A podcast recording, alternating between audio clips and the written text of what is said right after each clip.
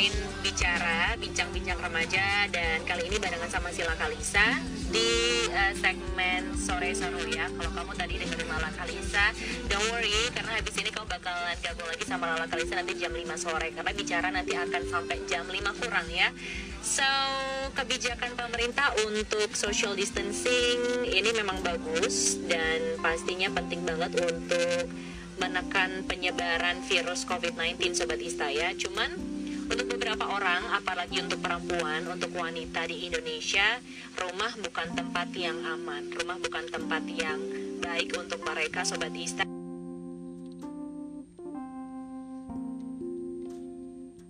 Karena memang di rumah mereka merasa takut, ada yang namanya KDRT juga di rumah sendiri Sobat Ista dan kebijakan pembatasan sosial selama pandemi virus corona dianggap memang melancarkan ya dan melanggengkan kekerasan terhadap perempuan uh, khususnya KDRT dan tercatat ini dari Kementerian Pemberdayaan Perempuan dan Perlindungan Anak atau PPPA ada banyak sekali kasus yang terjadi. Dari tanggal 2 Maret sampai dengan 25 April 2020 sudah tercatat ada 275 kasus dengan korban 277 orang sobat Ista. Kasus kekerasan ya khususnya juga KDRT dan ini banyak banget kasusnya selama satu bulan aja sudah meningkat segitu signifikannya sobat Ista ya dan untuk peningkatan kasus kekerasan terhadap perempuan ini tidak hanya terjadi di Jakarta aja Sobat Ista, tapi ini juga terjadi di Yogyakarta, di kota kita tercinta pastinya. Dan untuk tahu lebih lanjut tentang apa aja sih pemicunya, kemudian faktornya apa aja, dan gimana kasusnya seperti eh, KDRT ini bisa terjadi di Yogyakarta, kemudian gimana cara menanganinya dan lain sebagainya. Khususnya kita akan membahas tema ini yang mungkin kalau kamu sudah kepo gitu ya di Instagram postnya Ista Kalisa kita akan bahas tentang KDRT sebelum dan semasa pandemi COVID-19 barengan sama Mbak Arnita dari Rifka Anissa Women Crisis Center. Mbak Arnita ini adalah seorang konselor hukum Sobat Isa yang pastinya sudah ahli ya di bidangnya dan kita akan ngobrol langsung sama Mbak Arnita yang sudah ready dan standby pastinya Mbak Arnita Sobat Isa. Kita akan ngobrol-ngobrol langsung tentang kasus yang emang masih sekali terjadi, marak sekali terjadi gitu ya di Yogyakarta khususnya. Hai Mbak Arnita. Halo Mbak Sila. Hai. Kedengeran. Aku jelas nggak Mbak di sana? Iya jelas banget. Jelas cantik jelas banget. Aduh Mbak nih, Mbak juga cantik. Mbak lagi ngapain sebelum ini tadi? Udah masak? Enggak masak dong WFH, ngurusin kasus tetap oh gitu tetap tetap kerja ya oh. tapi sehat ya Mbak Arnita baik-baik kabarnya sehat pasti Mbak Sila sehat sehat puji Tuhan. Yang penting tuh sekarang tuh ya sehat aja ya Mbak. Yang penting itu apa pikirannya juga baik uh, sane gitu ya dan juga sehat. Yang penting itu. Iya sehat mental Iya itu itu itu penting. Karena emang belakangan ini kita banyak banget ya diterpa sama informasi-informasi negatif. Kan kadang aku nggak pengen gitu loh mbak kayak ngelihat berita yang negatif tapi kayak muncul aja di timeline wah kasusnya sudah sampai 30 ribu sekian orang meninggal sekian penyebabnya ini itu. Itu kayak otomatis bikin apa sih pikiran jadi kacau nggak sih mbak? Dengan banyaknya berita negatif. Sebenarnya aku nggak apa dapat berita itu deh iya iya. Tapi tuh jadi nggak karena bener-bener gak kepot tapi kadang tuh muncul sendiri loh mbak. Kayak buka YouTube oh ada ada infonya ya kan? Jadi kayak emang udah banyak orang yang akses jadi kayak muncul di timeline. Oke okay, mbak iya, Arnita. Seneng banget ada mbak Arnita di bicara sore hari ini. Kita mau ngomongin tentang KDRT yang kayaknya dari dulu sampai sekarang selalu ada ya mbak KDRT tuh? Iya nggak nggak apa nggak pandang situasi kondisi waktu dan uh, suasana deh pokoknya Iya, ih jahat banget sih KDRT mah, nggak ngerti waktu ya dia selalu datang tadi undang ya kan. Corona. bener bener bener. Semakin merajalela ya karena si corona ini. Nah, anyway, boleh dijelasin dulu ya kita sebelum ke kasus-kasusnya, sebelum ke apa namanya faktor-faktor dan lain sebagainya. Mungkin bisa dijelasin kekerasan dalam rumah tangga itu uh, apa sih? Mungkin uh, basicnya kita jelasin kekerasan dulu kali ya ada apa aja. Karena selama ini kan kita taunya bahwa kekerasan tuh ya ya udah pukul-pukulan kemudian ditampar kayak gitu. Sebenarnya kekerasan dalam arti yang lebih spesifik tuh ada apa aja?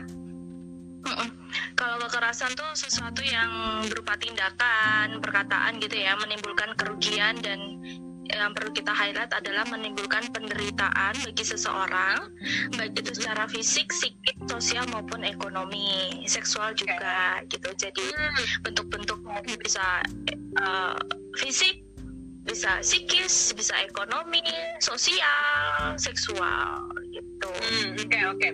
Jadi kekerasan nggak cuma fisik ya mbak ya, karena selama ini kita tahu kebanyakan taunya kekerasan hanya ya main tangan. Fisik tapi ternyata kan ya uh, ya, ya tapi ternyata kekerasan verbal pun juga ya itu bisa dikasusin juga. Kemudian ada juga kekerasan seksual yang juga nggak kalah maraknya juga ya mbak ya. Oh Oke okay, oke. Okay. Uh, eh, kekerasan ini uh, Mbak Arnita sifatnya merugikan salah satu pihak yang tadi Mbak Arnita sudah sempat singgung ya. Ini merugikan membuat seseorang menderita. Kemudian gimana sih dengan kekerasan berbasis gender yang juga uh, akan kita bahas hari ini? Kalau kekerasan pada umumnya tadi yang sudah aku sampaikan ya itu kayak bahasa yang mudah dipahami gitu ya. Kalau kekerasan ya. berbasis gender tentu dari kerugian-kerugian itu ada faktor uh, apa akar masalahnya yaitu karena adanya relasi kuasa yang timpang kemudian ada budaya patriarki yang begitu merasuk dalam dalam keseharian kehidupan seksual dalam ya, jiwa dan raganya terus karena okay. ada ini ya pembakuan gender. Jadi gender okay. ini dibakukan ketika perempuan itu ya kamu secara apa penampilannya kamu harus lemah lembut kamu harus anggun. Itu kan kayak pembakuan ya ketika itu dilekatkan pada laki-laki memang itu sesuatu yang salah. Laki-laki kan tetap bisa ya. Terus laki-laki itu pembakuannya kamu adalah eh, laki-laki itu harus berani laki-laki itu tegas gitu. Memang itu tidak boleh dilekatkan pada perempuan. Nah itu karena ada pembakuan pembakuan yang itu sudah sebenarnya sudah dikelola kan. Sudah terkelola sejak zaman bahkan uh, sebelum kita lahir pun itu kan gitu loh Berarti emang rasa begitu. Oke okay, oke okay, oke. Okay. Berarti emang kayak udah ada norma yang dari dulu sudah diterapkan sama masyarakat sampai sekarang ya. yang sebetulnya sebetulnya emang nggak sepenuhnya benar dan bisa diberlakukan gitu ya mbak ya. Oke oke. Okay, okay. Mbak ngomongin tentang topik kita hari ini, ada nggak sih perbedaan uh, KDRT sebelum dan semasa pandemi? Pasti ada lah ya karena pandemi itu kan bikin orang stay di rumah terus which is dia akan ketemu sama orang-orang di rumahnya yang belum tentu dia nyaman gitu kan. So mungkin Mbak Arita bisa jelasin. Ya. Ya Mbak Arita bisa jelasin lebih detail. Ya bedanya apa sebelum dan semasa? Mungkin aku malah menambahkan persamaan kali ya Mbak Mbak Sila boleh. Persamaannya persamaannya itu tuh sebelum dan semasa pandemi kasusnya tetap banyak loh. Yang oh masih ada itu tetap uh, kita bilang intensitasnya tetap banyak gitu ya tetap tinggi mm-hmm. cuma perbedaannya kita uh, apa meskipun secara grafik itu sama-sama apa tinggi ya sebelum maupun semasa cuma perbedaannya yang kita sorotnya adalah pemicunya itu bertambah pemicunya oh, itu bertambah okay. kalau uh, diriku mengamati dari beberapa kasus itu saat pandemi ya karena ada situasi situasi negara yang sebenarnya itu menjadi pemicu untuk terjadinya konflik di rumah tangga gitu ya ya faktor hmm. ekonomi kemudian ya, ya. di WFH ternyata selama ya, WFH ya. tidak bisa berbagi peran antara suami istri karena selama ini uh, atau sebelum pandemi kan suami bekerja di luar tidak terbiasa ya, ya, dengan ya. pekerjaan gitu ya hmm. kemudian tidak apa ada pola-pola komunikasi yang selama apa selama ini tidak terbangun dengan baik. Nah saat pandemi semua di rumah, ya kan? Semua okay. di rumah dan biasa menggunakan pola-pola komunikasi yang asertif, yang setara antara suami hmm. istri dengan anak, ayah dengan anak atau yeah, sebaliknya yeah. anak dengan anak. Nah itu, jadi perbedaannya ya pemicu yang bertambah bukan pemicu yang yang sama tapi ternyata pemicunya itu bertambah karena faktor situasi negara yang unpredictable ini semua kan panik semua ingin ya, ya. segala kebutuhan penuhi tapi negara pun juga membatasi akses gitu Hmm, oke oke oke. Jadi kalau aku pikir tadi ya Mbak Arnita, aku pikir bahwa oh kasusnya bertambah, maksudnya jumlah kekerasan terhadap uh, perempuan atau KDRT di rumah itu bertambah. Ternyata emang sama aja kasusnya tetap terjadi banyak, cuman emang faktornya, iya iya iya, emang faktor pemicunya yang bertambah. Iya sih, iya sih iya. benar-benar. Karena karena yang biasanya itu di kantor mungkin yang tidak banyak komunikasi sama suami ataupun sama orang tua jadi semakin lebih banyak komunikasi dan belum tentu itu komunikasi yang tadi mbak sebut ya belum tentu itu komunikasi yang selalu dibangun dengan baik. Wah serem juga ya mbak ya kalau pemicunya jadi banyak faktornya juga akan semakin meningkat ya. Iya dan itu bisa ini ya uh, maksudnya sesuatu yang kita ini maksudnya kerja-kerja di layanan itu nggak bisa kontrol karena tapi kan juga terbatas ya. Iya kan iya iya iya iya. kalau sebelum pandemi mungkin kita bisa melakukan uh, visit kayak gitu korban kita dorong untuk ini. Tapi kan situasi pandemi dia semakin terkungkung iya iya iya iya lah itu alasan-alasan yang sebenarnya sifatnya uh, menjalankan anjuran negara gitu Iya iya iya iya. Ini ada repot banget ya Mbak Ernesta. repot banget ya di kantor. Iya iya. ya dilematis kan situasinya kan begitu ya benar. Kalau melihat situasi KPRT. Ya ya, Mbak Ernita semangat terus loh ya, karena pasti ini selama pandemi jadi tantangan tersendiri pastinya untuk menangani sebanyak kasus itu ya kan. Oke oke, sebelum kita bahas sebelum kita bahas kasus yang ada di Yogyakarta, Mbak Arnita, mungkin bisa ya. bahas uh, tentang kekerasan itu yang memang sangat berkaitan dengan kondisi atau situasi salah satu pihak itu yang bersifat superior ya dan lebih hebat ataupun merasa lebih besar, pokoknya lebih berkuasa gitu ya. Nah, gimana dengan rumah tangga atau konteks keluarga itu sebaiknya seperti apa, Mbak Arnita? Mungkin bisa dijelasin. Mungkin uh, diriku gambarkan bahwa dalam setiap ruang pasti ada perasaan yang merasa superior mendominasi. Ya, ya. itu pasti ada setiap rumah. Ya ya nggak cuma di keluarga ya. ada iya apalagi di keluarga ya. Itu kan pasti itu pasti kita pahami karena status kita di keluarga itu. Sebagai anak sebagai ayah kepala rumah tangga gitu ya. Itu harus kita pahami dulu ada apa namanya status-status itu.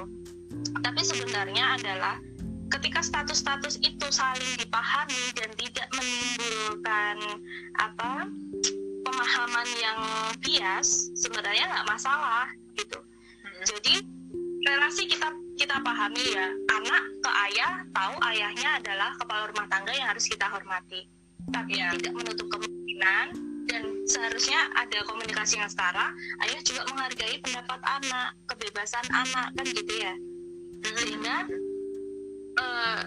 status-status uh, itu kan harusnya bisa memberikan dampak yang justru setara pada keluarga itu pada rumah, rumah tangga. Ya nggak masalah ada ada superior yang memang dibakukan karena memang apa kepala rumah tangga. Tapi akan ya. salah kalau sebagai kepala rumah tangga itu kemudian melakukan kekerasan gitu kan? Harus tetap dibangun dalam konteks rumah tangga yang sehat. Itu kan rumah tangga yang setara yang membangun komunikasi antar anggota keluarga dengan baik gitu.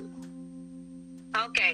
oke, okay. thank you Mbak Arnita penjelasannya detail banget. Berarti intinya memang konsep uh, sebuah komunitas, organisasi, baik itu keluarga ataupun kantor, pemerintah, ya. memang selalu ada orang yang sifatnya superior gitu ya. Namanya juga ada ya. leader, pasti dia juga sifatnya superior. Tinggal gimana caranya bisa apa ya mengatur segala sesuatunya dengan baik, komunikasi yang baik, sehingga menjadi komunitas ataupun keluarga yang sehat atau rumah tangga yang ideal which is sehat gak banyak ributnya segala macam. Cuman kan masalahnya sekarang kan corona jadi masalahnya banyak iya, banget iya. cuma ekonomi kan mbak. Itu juga uh, kayak misalnya tekanan pekerjaan kemudian mungkin ada yang kehilangan pekerjaan juga itu jadi semakin kompleks nggak sih mbak? Kayak semakin memicu kan seperti yang tadi kita iya. bahas di awal juga.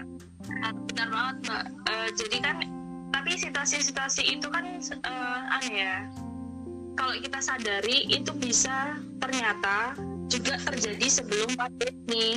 Hanya mm-hmm. karena pandemi kita tersadar tuh loh karena dalam satu ruang yang sama. Iya oh, iya, iya. jadi ini ternyata apa namanya uh, menjadi apa sebuah kekerasan karena menyadari situasi negara seperti ini sehingga ruang aksesnya kita terbatas gitu. Kan emosi iya. ya. Banget. Iya iya iya. Iya aku kadang juga gitu tau mbak. Jadi kayak ya apa manusia seperti biasanya ya manusia pada umumnya yang namanya dapat kesulitan yang lebih ketika pandemi ini. Jadi aduh kacau mau ngomong yang baik-baik aja tuh kayaknya aduh emosi juga. Tapi emang yeah. harus gimana caranya menekan gitu ya menekan biar gak emosinya membludak. Cuma nggak semua orang bisa seperti itu itu masalahnya kan mbak? Benar banget mbak Zila Mbak Rita kita mungkin bisa bahas tentang KDRT siapa pelakunya karena emang mungkin stigma di masyarakat itu kebanyakan mereka mengeneralize bahwa kebanyakan yang melakukan kekerasan itu adalah suami ke istri. Ada ada juga pasangan. Iya ke pasangan, ada juga yang dari pasangan uh, apa perempuan ke laki-laki, pasangan laki-lakinya ada juga uh, ke anaknya, bahkan di pacaran pun juga ada ya itu kekerasan dalam pacaran. Mbak Rita bisa jelasin gitu ya, bahwa hey nggak selalu melulu suami yang melakukan kekerasan. Iya, Mbak Rita bisa jelasin. Iya, itu loh. Um, kalau kita mengacu apa undang-undang penghapusan kekerasan dalam rumah tangga, itulah kita bisa melihat ruang lingkup uh, yang menjadi apa dalam rumah tangga itu yang memicu terjadinya sebuah kekerasan. Itu ada ya. suami, ada istri, ada anak, ada ART, ART, tapi yang ya, ya. ya semua yang tinggal di situ, bahkan orang tua atau tinggal dengan mertua dan itu tuh menetap, itu juga kalau ada kekerasan itu disebut KDRT gitu. Jadi okay. tidak pure suami istri, anak, suami ke istri, istri ke suami, enggak. Okay kan kita ya misalnya kita so, apa kita tinggal dengan keponakan atau om gitu dan itu dari kurun waktu sesuai dengan ini ya uh, kependudukan ya tiga bulan berturut-turut kalau itu ada kekerasan itu kita masuk dalam KDRT gitu Oh oke okay, oke. Okay. Jadi lingkupnya lebih luas ya mbak. Ternyata nggak cuma iya. pasangan iya. aja. Oke. Okay. Bahkan ART yang menetap yang bukan kan ada tuh ART yang pagi datang terus sore pulang. Nah bukan yang seperti itu tapi yang memang tinggal bersama uh, majikannya begitu. Kalau okay. dia mendapat kekerasan ya dia masuk dalam KDRT Oke, okay. nah aku jadi semakin paham sekarang. Biasanya aku taunya Allah kekerasan, berarti itu suaminya tuh atau istrinya pasti. Eh ternyata juga ART, iya kan? Ternyata juga ART bisa bisa misalnya kekerasan dengan ART bisa masuk ke KDRT, kekerasan sama anak juga masuk ke KDRT gitu ya.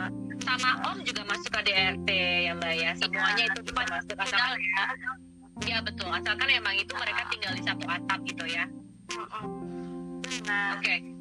Oke, okay. Mbak Arnita mungkin juga bisa cerita ini karena kan Mbak Arnita pasti emang uh, kerjaannya itu menangani kasus-kasusnya langsung gitu ya sebagai konselor hukum di Rifka Anissa. Nah, ya. kalau kasus yang dilaporkan selama ini di Rifka Anissa itu seperti apa sih Mbak? Kasusnya apa aja? Mungkin bisa diceritain ke Sobat Ista. Oke, okay. uh, eh, aku ya. mungkin gambarkan secara garis besar ya. Uh, dari uh tahun ke tahun itu aduan ke Rifka itu untuk semua kasus ya, nggak cuma KDRT uh, ya itu ada 350-an kasus per tahun dan itu memang didominasi uh, eh, KDRT kalau KD, kita sebutnya sih KTI ya kekerasan terhadap istri karena kan kita concern di perlindungan perempuan dan anak gitu ya. Oke. Okay, Kemudian okay.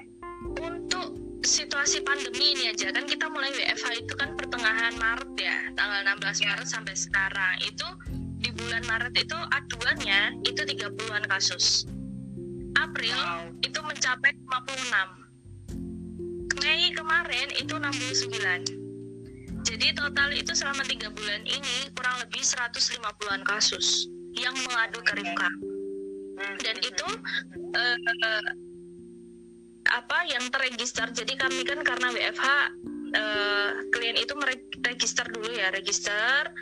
Dari 150 itu memang 50 sampai 60 persennya itu terregister okay. jadi mengisi form form itu baru kita tindak lanjuti. Dan dari 150 kasus itu sebagian besar adalah KDRT yang di mana okay. istri menjadi korban gitu. Oh, itu belum okay. termasuk dengan layanan email kami. Kan kami ada hotline. Itu murni yang hotline ya 150 kalau yang email sendiri Maret sampai Mei itu ada 36 kasus. 19 kasus itu adalah KTI atau KDRT hmm. jadi kalau total ya 106 uh, 180-an tiga bulan. Oh my god. Oh my god. Rifka Mandu oh Rifka ya. Banyak dan itu didominasi.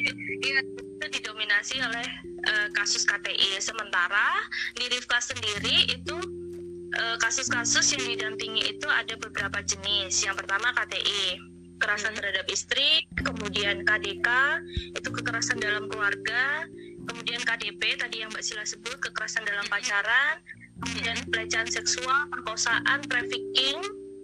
Wow. Dan ya, ada beberapa kasus lainnya yang masuk uh, itu non KTPBG ya jadi kekerasan yang tidak berbasis gender.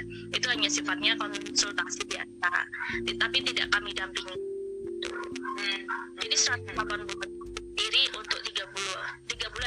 selama pandemi. Selama kami WFH oh selama online. Selama layak memberikan layanan online itu segitu banyak. Itu sebenarnya sama okay. dengan kalau kita offline gitu. Hmm. wow. kita menemukan pola bahwa korban-korban ini lebih terfasilitasi ketika online. Karena pertama mudah diakses. Kedua dan teknologi kan kebanyakan orang tua kan juga sudah tahu dengan WhatsApp dengan ini udah udah terbiasa kemudian mereka lebih nyaman karena bisa sewaktu-waktu dilayani gitu ya, ya. tanpa tatap muka tanpa harus ada transportasi harus ada mobilitas yang dia lakukan itu fenomenanya okay. seperti itu oke okay. oke okay, berarti emang kasusnya ini kalau boleh aku bilang mungkin terbanyak kali ya Mbak ya kalau yang karena emang udah dilaporkan aja 160-an padahal di Indonesia itu dari bulan Maret uh, sampai April tanggal 25 itu ada 270 275 kasus kan. Berarti di Jogja banyak banget Mbak Rita. Itu saya rasa belum belum di ini ya, belum di Oke, oke, oke. Ya karena sendiri karena Rifka itu kan lingkupnya tidak hanya satu kabupaten ya, tapi kan provinsi ya. ya. Jadi uh, kita melayani dari berbagai kabupaten ya, jadi cukup banyak. Oke oke oke, berarti cukup miris sekali ya Mbak ya melihat kasusnya ini yang lumayan tinggi kalau boleh aku bilang dan kebanyakan itu didominasi oleh kasus KTI atau kekerasan dalam rumah tangga. Mbak Arnita semangat pokoknya ya kasusnya semakin hari semakin bertambah banyak. Pokoknya selalu sehat. Aku salut banget sama teman-teman konselor di Rifka Anissa. Kalau dengar cerita dari Mbak Uli, dengar cerita dari apalagi Mbak Sofi kemarin udah sempat cerita juga banyak banget Mbak Sila kasusnya tuh dan kayak ya. ada berhentinya iya iya iya iya ya. maksudnya online itu kan butuh ini ya butuh strategi juga ya bayangkan ketika konseling itu tidak melihat gerak gerik gestur wajah ekspresi gitu ya apalagi cuma telepon apalagi kalau misalnya video call ya kita standby klien bercerita ya kalau sinyalnya bagus kalau enggak nangis terus terputus gitu kita nggak bisa ya, ya, ya. Emosinya tuh tidak tersalurkan kan? Tidak bisa kontak fisik. Biasanya kalau nangis kita memberikan tisu apa menepuk bahu. Kalau perlu memang dipeluk kayak gitu tuh kita nggak bisa menyalurkan emosi. Jadi itu juga jadi bagian dari kita kayak setengah gitu. Karena ya, ya, ya. sendiri juga tapi nggak bisa apa-apa gitu Iya iya. Iya sih mbak ya. Beda ya. Biasanya kalau bisa ketemu langsung lagi nangis bisa dipeluk bisa dipukul udah mbak. Nggak apa-apa. Ini kalau via video call masa masa kasih stiker ya kan mbak? Iya kasih stiker iya. Kasih stiker doang tuh kurang ya pastinya ya. Afeksinya nggak nyampe. Iya ya itu salah satu cerita ataupun bedanya antara konseling secara langsung dan online. Pastilah pasti dan tantangannya pasti tantangannya pasti banyak banget cuma aku pengen tahu juga nih mbak Ardita tahapannya nih. Ketika tadi kan mereka sudah melaporkan sudah registrasi dan sudah tercatat segala macam.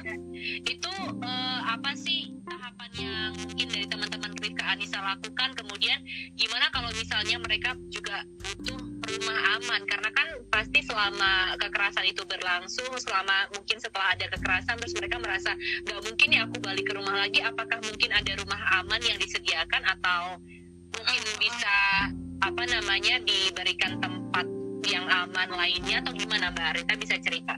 Ah, mungkin saya gambarkan kali ya eh, tahapan ketika akses di Rifka itu adalah proses asesmen dulu.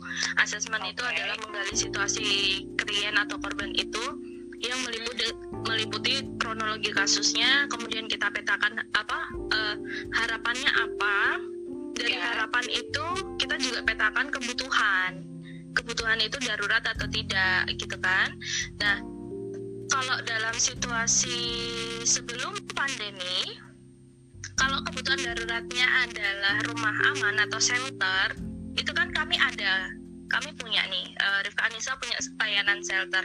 Itu otomatis tidak terlalu mempersulit ya, karena bisa saja diakses saat itu juga. Tapi kalau dalam situasi pandemi ini, kita nggak bisa eh, gegabah langsung masukkan ke shelter karena kan harus ada protokol-protokol COVID itu yang harus kita lalui.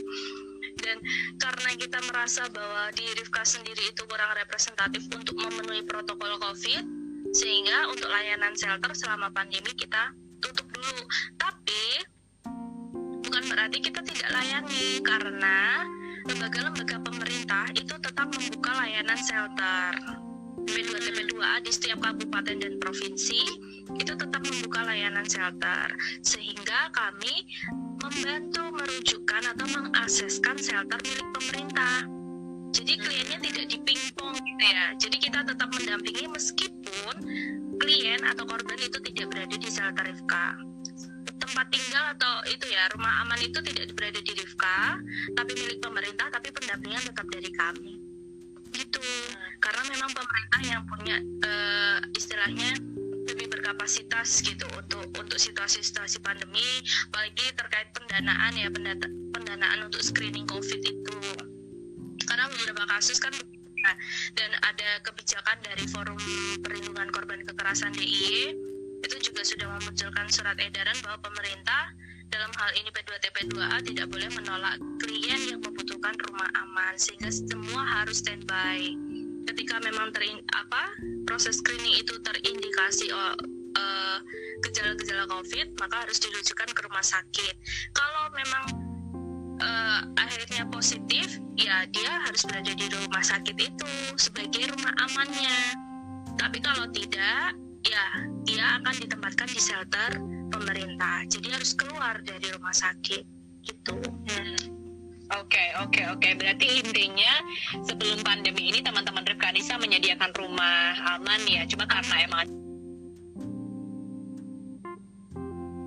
ada pandemi, pemerintah bisa eh, ada, ada menyediakan shelter yang juga bisa Rifka Anissa gunakan untuk mereka bisa memiliki tempat yang aman selain di rumahnya. Tapi tapi itu akan sampai kapan sih Mbak kalau misalnya nih mereka emang nggak mungkin pulang ke rumahnya, kemudian emang harus di tempat aman itu, boleh nggak kayak sebulan atau bahkan setahun di situ karena terlalu nyaman? Iya, iya. Atau akan ada kurun waktu tertentu mereka akan ada di sana? Nyaman di rumah aman ya. Benar, kan nyaman di rumah tunggu nyaman di rumah aman tapi latar belakangnya kasus oh my god Oh iya iya iya iya ya, mending jangan ya. Kalau rumah aman sendiri memang eh, kita membatasi ya itu hanya 14 hari pemerintah pun juga oke.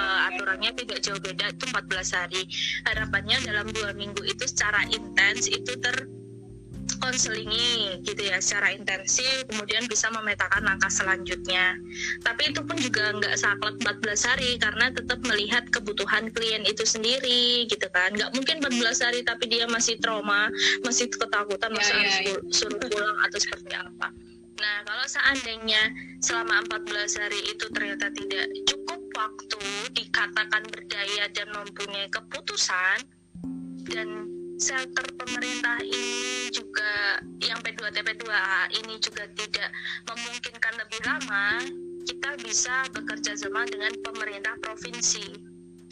Oh, pemerintah okay. provinsi yang mempunyai istilahnya rumah aman atau balai atau panti atau apa gitu dan memang ada ya di Jogja tuh ada ya. Itu kita okay. uh, dengan pemerintah provinsi itu. Yang dalam jangka waktu lama. Gitu oh. bisa menahun oh gitu. Oke. Okay. ya. Jadi tapi jangan jadikan ini alasan karena nyaman terus di rumah aman terus ya mbak ya.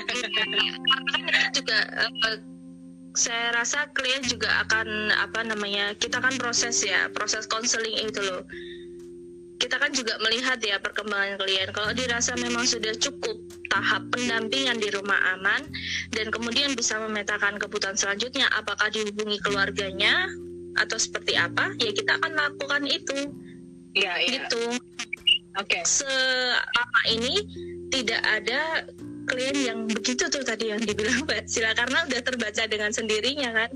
Dan ya, kita ya, ya, ya. kita tidak tidak tidak apa uh, kemudian melegakan klien di shelter selama lamanya gitu. Sepanjang ya, ya, klien ya, mau Iya iya iya. Iya kan ngapain banget gitu kan di rumah aman sampai lama sebisa mungkin mah udah kasusnya udah kelar gitu ya. Cuma kalau peran dari Rifka Anissa sendiri dari teman-teman konseling terutama itu nanti kerjaannya akan seperti apa? Sistemnya akan seperti apa ketika mereka ada di rumah aman? Apakah nanti akan ada kunjungan setiap hari, kunjungan berkala atau uh, dipantau secara uh, dari jarak jauh karena kasus COVID sekarang ini atau gimana Mbak? Uh, proses konselingnya akan seperti apa? Karena di lembaga pemerintah itu juga menyediakan layanan seperti Rifka Anissa, pertama kita bisa kerjasamakan, maksudnya kita bisa menggandeng beliau untuk pemenuhan-pemenuhan kebutuhan psikologis dan sandang pangan gitu ya, termasuk itu. Ya, ya. ya. Tapi kalau untuk, tapi juga bisa kalau memang dari segi fasilitas yang hanya tempat dan san apa pangan, tapi mm-hmm. konselingnya tidak bisa dilakukan oleh pemerintah ya kita akan mengupayakan mungkin visi tapi tidak setiap hari. Mungkin melalui media dengan kita kerjasama dengan pendamping yang ada di sana kayak gitu. Jadi hmm. eh, kita petakan dulu asesmen itu kalau kalau klien itu sudah terasesmen dan kita kan perlu asesmen juga lembaga uh, atau shelter yang akan ditempati kan gitu membuat klien nyaman atau enggak kan itu juga atas persetujuan klien itu sendiri gitu jadi uh, asesmennya bisa double double nggak ke orangnya tapi ke lembaga juga gitu sehingga proses proses konseling atau pendampingan terhadap klien itu terpenuhi sesuai dengan kebutuhan klien. Oke, okay, gitu. oke. Okay. Oke okay, oke, okay. jadi memang karena emang nggak hanya Rifka Anissa yang menangani, tapi juga kerja sama sama pemerintah, tentunya akan ada pertimbangan-pertimbangan dan kesepakatan untuk menangani kasus dari klien uh, tertentu ya Mbak ya. Tuh. Oke okay, oke, okay. jadi lebih paham sekarang, jadi lebih ngerti sekarang karena kan awalnya kan abstrak ya Mbak ya. Ini terus konselingnya akan akan iya proses. Oh, lagi di kantor atau di rumah aman? Aku bahkan sekarang dulu sempat tahu ada rumah aman cuma baru nggak oh iya ya kan ada rumah aman juga. Ternyata di Jogja pun juga ada ya pemerintah pun juga menyediakan Oke oke oke oke oke. Jadi untuk uh, teman-teman yang juga uh, mungkin ini juga Mbak uh, Mbak Sila pemahamannya juga buat apa teman-teman ataupun nggak uh, tahu ya yang ya kan ada klien atau enggak kan nggak tahu ya. Yang ya, kalian ya, ya, ya, ini kan pada dasarnya adalah uh, kita perlu ini loh menyadari kebutuhan dari klien itu sendiri gitu kan. Dan pendekatannya atau pendampingan itu kan didasarkan pada kebutuhan klien yang didasarkan pada asesmen gitu. Jadi kalau kalau sudah didasarkan kebutuhan, otomatis kan klien akan mudah membuat keputusan. Karena dasarnya adalah kebutuhan klien gitu. Ya. Ya, berarti melalui assessment itu jadi lebih paham ya Mbak ya kebutuhannya apa. Jadi dari pemerintah dan Ripka Anissa bisa memfasilitasi dengan tepat dan efektif pastinya. Ya, benar banget. Iya, iya, iya, iya.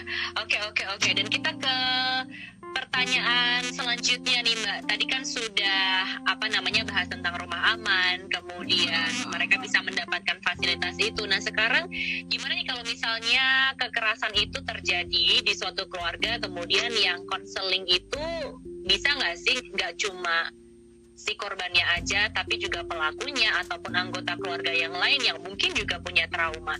Itu memungkinkan atau memang sudah seperti itu selama ini?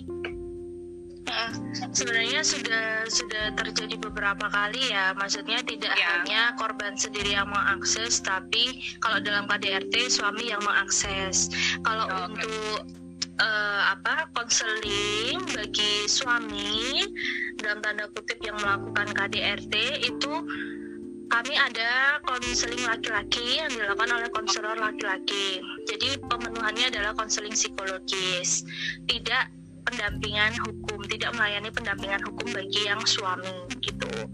Tujuannya adalah ada uh, kita memahami kalau KD ada terjadi KDRT yang selama ini mengakses layanan konseling itu adalah istri. Ketika dia pulang, kan dia yang yang mendapat pengetahuan ya, pemahaman, cara bersikap. Ya, ya. Nah, si pasangan kan nggak dapet ya. Itu gimana mau kemudian harmonis kembali kan gitu nah sehingga pelayanan konseling laki-laki diperuntukkan untuk menyeimbangkan posisi setara dalam rumah tangga ketika keduanya ingin rujuk kembali atau ingin memperbaiki rumah tangga itu sendiri. Tapi kalau memang istri atau perempuan ini memang ingin gugat cerai dan sebagainya, yo dirasa tidak perlu kan itu dari pemetaan ya jadi keinginan untuk melibatkan orang lain termasuk pasangan dalam kok dalam skema konseling di Rifka itu dibangun sendiri oleh kliennya. Oke, okay. kita highlight ya. Itu dibangun sendiri komunikasinya oleh kliennya. Harapannya upaya itu muncul dari klien. Nah, kita memfasilitasi misalnya kliennya aku ingin melibatkan orang tua tapi saya takut gitu ya coba hmm. kita dorong untuk komunikasikan terlebih dahulu seberapa bisanya kemudian tawarkan apakah bersedia untuk uh, komunikasi atau menindaklanjuti atau bertemu di Rifka Anissa baru kita fasilitasi kayak gitu Oke, okay, oke, okay, oke. Okay. Jadi pada dasarnya memang bisa untuk melakukan konseling dengan pihak uh, korban dan juga tidak menutup kemungkinan untuk yang pelakunya, tapi juga ya. ini harus didasarkan oleh apa ya asas dari kemauan mereka sendiri, mereka sendiri yang mendorong bukan dari Rifka Anissa yang ayo ajakin ya. pelakunya gitu ya karena memang pasti pasti efeknya dan dan imbasnya akan berbeda ketika itu akan dari datang dari kemauan diri sendiri ya mbak ya kita cukup tawarkan tapi semua tergantung pada klien itu sendiri. Dengan pemetaan-pemetaan ya tentu saja Ya, ya, ya, ya. Karena memang ada konselor uh, laki-lakinya ya, Mbak ya di Rifka Alisa nggak cuma perempuan.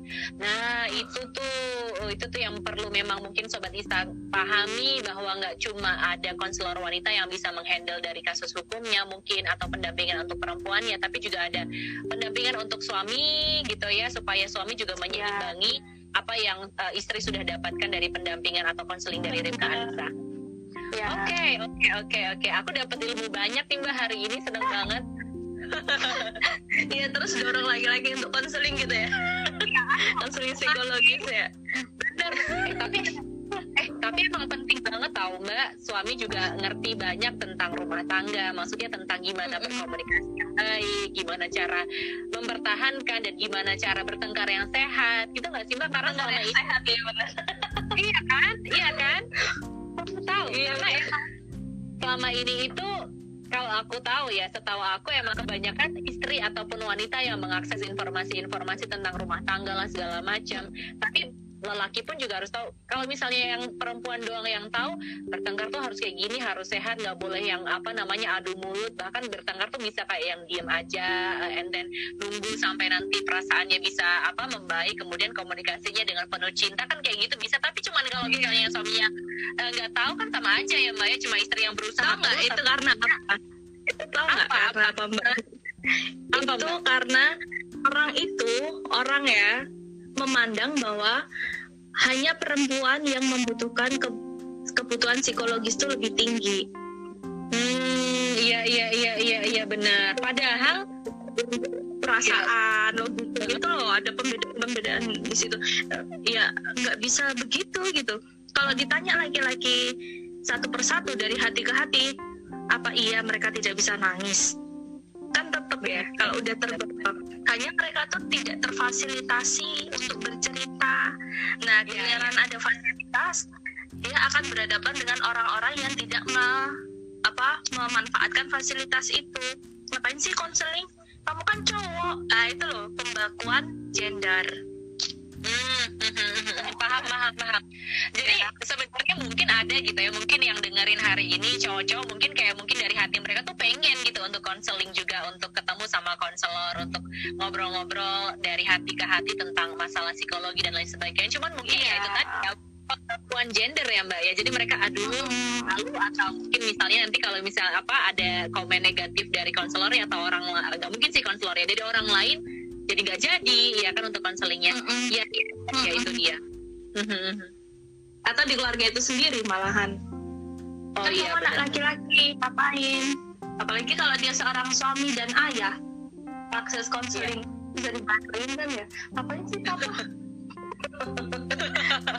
Iya benar benar benar. Iya iya. ya Tuhan status itu bisa sangat dirasakan gitu. Padahal ya nggak apa-apa kan iya loh padahal ya semua semua manusia laki-laki perempuan berhak mendapatkan apa sih eh, layanan yang sama psikologis. Iya pemenuhan ya, psikologis yang sama. Iya ya mungkin kita bikin gerakan kali ya mbak ya untuk laki supaya juga ikutan apa sih sadar gitu ya aware bahwa psikologis itu penting. Mm -hmm. bener kocak ya ya kocak banget kocak kocak kocak kocak oke okay.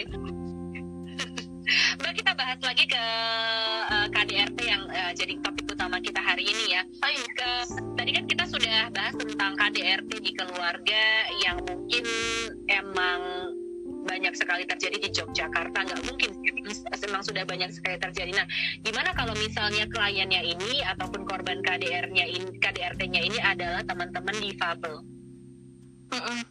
Iya. Mm -mm. Kita tuh juga ini ya kami apa uh, yang mengakses kami itu juga ada yang rekan-rekan berkebutuhan khusus ya uh, teman-teman okay. Yang penting adalah kuncinya dari setiap layanan itu adalah assessment. Assessment mm. kita petakan dari segi kemampuan layanan ini mm. dan uh, petakan tadi ya kebutuhan si klien ini okay. dalam arti gini kalau difabelnya itu cara apa misalnya tidak bisa bicara gitu ya uh, bisu begitu tunawicara kan kita tidak punya kapasitas nih ya dari Rifka sendiri maka itu akan dirujukan nah rujukannya itu ke lembaga-lembaga rekan mitra Rifka yang bergerak di isu difabel dan kita seiring berjalan nih dengan lembaga itu mungkin memfasilitasi dalam komunikasi tapi pendampingannya kita tetap misalnya psikologi atau hukum gitu tapi secara komunikasi kita terhambat ya sudah kita sadari itu dan kita gandeng rekan-rekan kita hmm. gitu oke okay. okay, jadi okay. tetap jadi gini prinsipnya tidak tidak menolak klien karena kita nyadari gini ya klien itu datang dalam situasi yang sangat butuh, darurat, dan harus segera ditangani. Dia tidak mau untuk dipingpong ya sebenarnya, nggak mau disuruh ke sini ke sini sini. Sehingga biarkan itu datang dulu, kita asesmen, kita tawarkan alternatif, dan kita merujukkan tanpa kita melepas. Gitu. kalau prinsipnya okay. di Rifka seperti itu oke okay. Oke, okay, bagus banget. Berarti emang ini terbuka ya, layanannya terbuka untuk siapa pun, tidak ada pengkotak-kotakan, tidak ada pengecualiannya. Cuma nanti akan treatmentnya akan disesuaikan. Misalnya nanti tergantung iya. dengan kebutuhan dari klien. Mungkin dari teman-teman Rifka bisa minta bantuan dari uh, teman-teman yang juga menangani uh, apa eh, kasus-kasus uh, seperti itu ya. Misalnya mereka yang mungkin uh, hanya bisa dengan sign language mungkin teman-teman Rikalisa bisa minta bantuan teman-teman yang bisa sign language dan lain sebagainya oke okay. oke okay, berarti uh, berarti keren banget Rikalisa bisa me, apa ya me, menyelesaikan atau membantu untuk menyelesaikan banyak sekali klien tidak menutup kemungkinan siapa pun itu oke okay. Terus uh, kita bahas lagi untuk kasus-kasus uh, yang sudah ditangani Rifka Anissa itu kan uh, banyak banget ya Mbak ya. Dan pastinya pastinya akan ada atau mungkin memang sudah ada kasus yang terjadi di luaran sana di Yogyakarta khususnya cuma tidak dilaporkan jadi emang yang datang yang laporan itu ya emang yang sadar bahwa mereka butuh konseling mereka butuh bantuan butuh pengarahan untuk sampai ke uh, hukum. Tapi ada juga mungkin yang yang tidak melaporkan. Nah itu kenapa dan dan dan gimana caranya supaya kita ayo dong uh, kasus itu tuh terserius loh ayo kita kayak kerjain uh, bareng gitu. Karena kalau sendirian tuh aduh kasihan banget pastinya ya mbak ya. Iya benar. Itu kenapa sih mbak mereka ini ya kayak kendala-kendalanya gitu nggak sih mbak? Itu tuh banyak banget loh kalau kita iya, petakan iya, sebenarnya. Benar benar benar. Pasti macam-macam. Ada mungkin yang mikirnya oh, pasti nanti terkendala ini ekonomi mungkin ada yang mikirnya oh, pasti bayar mahal sampai ke hukum pasti akan ada syarat-syarat administrasi yang harus dipenuhi kemudian ada yang mungkin terkendala karena mungkin dari uh, apa dirinya sendiri merasa malu atau mungkin nanti cemoohan dari uh, lingkungan sekitarnya itu itu itu yang salah satu atau salah tiga yang aku sebutin tadi yang jadi faktornya nah. atau ada yang lain ya. mungkin mbak Rita bisa ceritakan uh, kalau kita mau bagi itu sebenarnya bisa dibagi dua ya mbak. Uh, kendalanya itu secara uh, materi sama imateri. Materi tadi okay. seperti yang disebut mbak Sila karena perekonomian dia kayak gitu. Ya, tidak ya. punya transportasi mobilitas terbatas gitu ya. Tapi kalau secara imateri kita lebih ke faktor-faktor psikologis si okay. itu sendiri. Yang adalah merasa diri malu.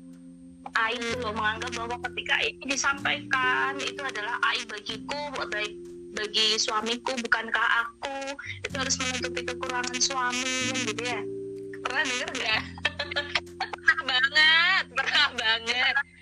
Menutupi kekurangan suamiku iya benar tapi kamu akan uh, itu benar menutupi atau memang menerima kekerasan itu kan kita nggak tahu ya.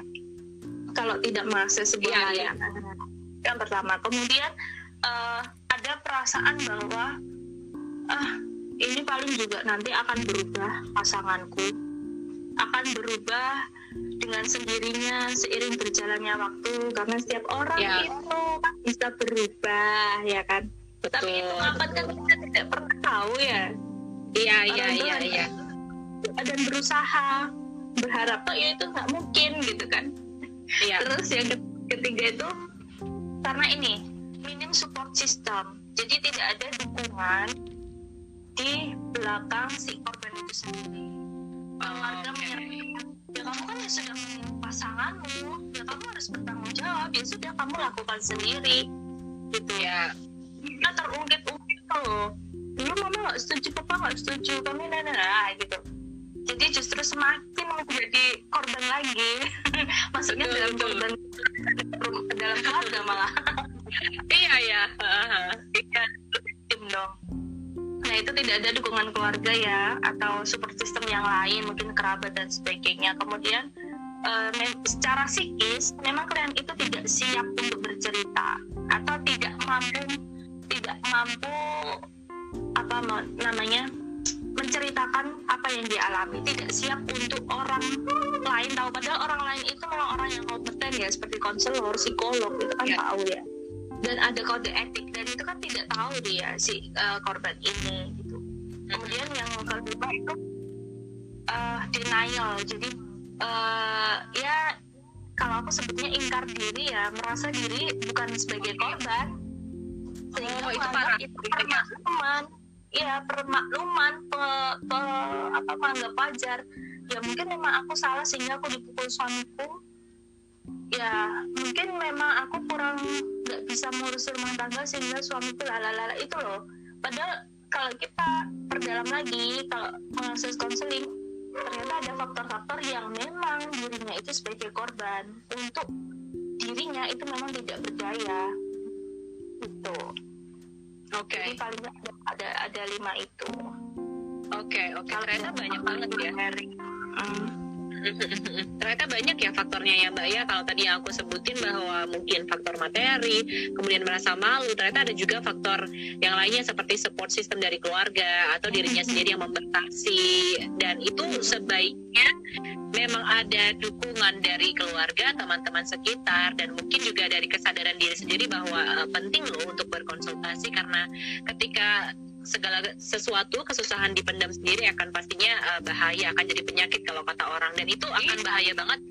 Bahaya banget kalau tadi Mbak Rita bilang bahwa itu kayak sebuah bentuk penerimaan yang uh, apa ya jadi uh, sesuatu yang nggak apa-apa yang wajar. Oh nggak apa-apa lah aku dipukul sama suami karena aku salah. Padahal no itu bahaya banget. Iya iya iya. Oke oke. Alright. Itu kayaknya fakta ya. Fakta-fakta klien yang begitu itu. Oh my god. Nah, karena karena online itu bisa jadi terfasilitasi. Karena ini karena kan dia tidak harus mobil mobilisasi ke Rifka tidak yeah. harus bertatap muka dengan konselor mungkin malu kan Ya, semoga harapannya karena uh, ada pandemi ini kemudian segala sesuatunya berubah online, jadinya uh, semakin banyak orang yang merasa sadar dan terbuka untuk bisa sharing dan bisa menemukan solusinya dengan bantuan teman-teman Rika Anissa ya Mbak Arnita ya. Iya. Oke, okay. Mbak, nggak cukup deh kayaknya kalau satu jam kita ngobrolin tentang topik ini, ah, ya kan? Iya. Cuma emang waktu yang harus membatasi kita sudah jam 5 kurang, padahal tadi katanya harusnya sampai jam empat empat lima aja tapi ini udah overtime oh, iya, tapi iya. nggak apa-apa udah mbak ya it is okay. Ya kan? Nggak kerasa kan Mbak Rita mungkin untuk closing statement sebelum kita close uh, obrolan kita hari ini mungkin bisa sharing gitu ya untuk tips gimana sih untuk mencegah biar supaya nggak terjadi yang namanya kekerasan dan langkah apa aja yang harus dilakukan ketika kita menjadi korban amit-amit ataupun ada kekerasan di lingkungan kita. Bisa di-sharingkan mungkin Mbak Rita ya. Oke, okay, aku kutip tiga hal ya. Pertama adalah bagaimana mencegah kekerasan kemudian langkah sama nanti mungkin pesan ini ya sebelum closing ya. Uh, ya. Yang pertama mencegah itu adalah komunikasi yang asertif. Itu harus tetap okay. dibangun dalam ruang ya. lingkup apa pun apalagi keluarga. Kemudian kedua adalah terbuka untuk bercerita dan bersikap menerima, menerima informasi, menerima cerita gitu ya. Kemudian perkaya informasi tentang pencegahan kekerasan harus perkaya. Jadi jangan sok-sok tahu deh mending cari literasi literatur gitu ya atau bacaan gitu yang memperkaya. Kemudian yang kedua langkah-langkahnya jika terjadi kekerasan yang pertama adalah amankan diri. Amankan diri ya secara fisik kondisi psikologis gitu ya. Kedua amankan barang bukti atau alat bukti. Periksa gitu ya misalnya ada luka ya langsung periksa itu kepentingan alat bukti. Kemudian minta bantuan. Kalau memang tidak bisa sendiri beranikan minta bantuan terus uh, apa namanya percaya pada orang yang kita minta bantuan gitu. Percayakan pada orang. Jadi kita kita minta bantuan itu harus pada orang yang dipercaya. Itu sih. Kemudian yang terakhir adalah uh, kekerasan itu kan tidak pandang waktu tempat situasi gitu ya. Dan ya akan negara seperti sekarang ini yang di situasi pandemi sehingga kita itu harus bisa mengontrol diri kita sendiri terhadap suatu peristiwa, apalagi itu kekerasan. Karena lembaga bahkan negara apa bahkan seperti Rifka itu tidak bisa mengontrol keamanan seseorang 24 jam. Jadi kita wajib bisa mengontrol diri kita sendiri atas suatu peristiwa dan beranikan diri untuk bercerita, mengambil mengambil langkah tindakan dengan keputusan yang sadar kayak gitu. Oke, okay, oke, okay, oke. Okay. Luar biasa sekali Mbak Rita, banyak sekali tips dan aku bisa bilang ini nasihat ya untuk para pendengar kita sore hari ini ataupun nanti ketika uh, kita sudah selesai kan akan diupload jadi IGTV. Semoga pastinya bermanfaat buat teman-teman yang uh, sedang memiliki masalah gitu ya. Mulai dari diri sendiri untuk ber, apa memiliki kesadaran, berkesadaran untuk ayo dong apa namanya mencoba untuk lebih terbuka dengan orang-orang sekitar. Jangan menganggap bahwa kekerasan itu sesuatu yang bisa diterima dengan menyalahkan diri sendiri ya. Dan ya. percayakan pada orang yang bisa menanganinya ya. Pasti banyak sekali kok dari teman-teman Anissa yang hebat-hebat sobat Ista. Jadi kalau misalnya pengen sharing-sharing kita bisa langsung aja. Nah ini lagi situasinya pandemi mungkin bisa langsung aja ke uh, Instagram ataupun ke email atau ke hotline-nya. Rifka Anissa ya Mbak ya. Silahkan Yes, yes, yes. Oke, okay. langsung aja ke Rifka Anissa underscore WCC atau ke emailnya di Rifka Anissa ya pastinya. Terima kasih banyak Mbak Arnita sudah sharing hari ini. Sama-sama, makasih Mbak Sila. Ini kayak kuliah umum satu jam gitu loh. Oh iya. oh ya. Sampai cara cepat ya. Bener-bener bermanfaat banget. Aku sih merasa bahwa wah ini bagus banget untuk orang lain tahu gitu. Dan terima kasih banyak buat teman-teman yang sudah bergabung. Banyak banget dari tadi yang sudah saya hai. Saya hai terima kasih banyak. Mbak ya, Anita sehat Sehat selalu Mbak Sila ya. Sukses selalu Mbak Arnita. Semoga kita nanti bisa ketemu setelah ini semua berakhir ya Mbak. Amin. Ya, langsung di studio ya kan? Wajib, wajib. Kita bisa ketemu selfie-selfie bareng kan? Oke. okay.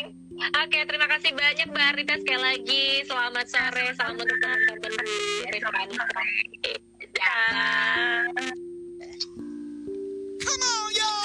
You are still listening to 96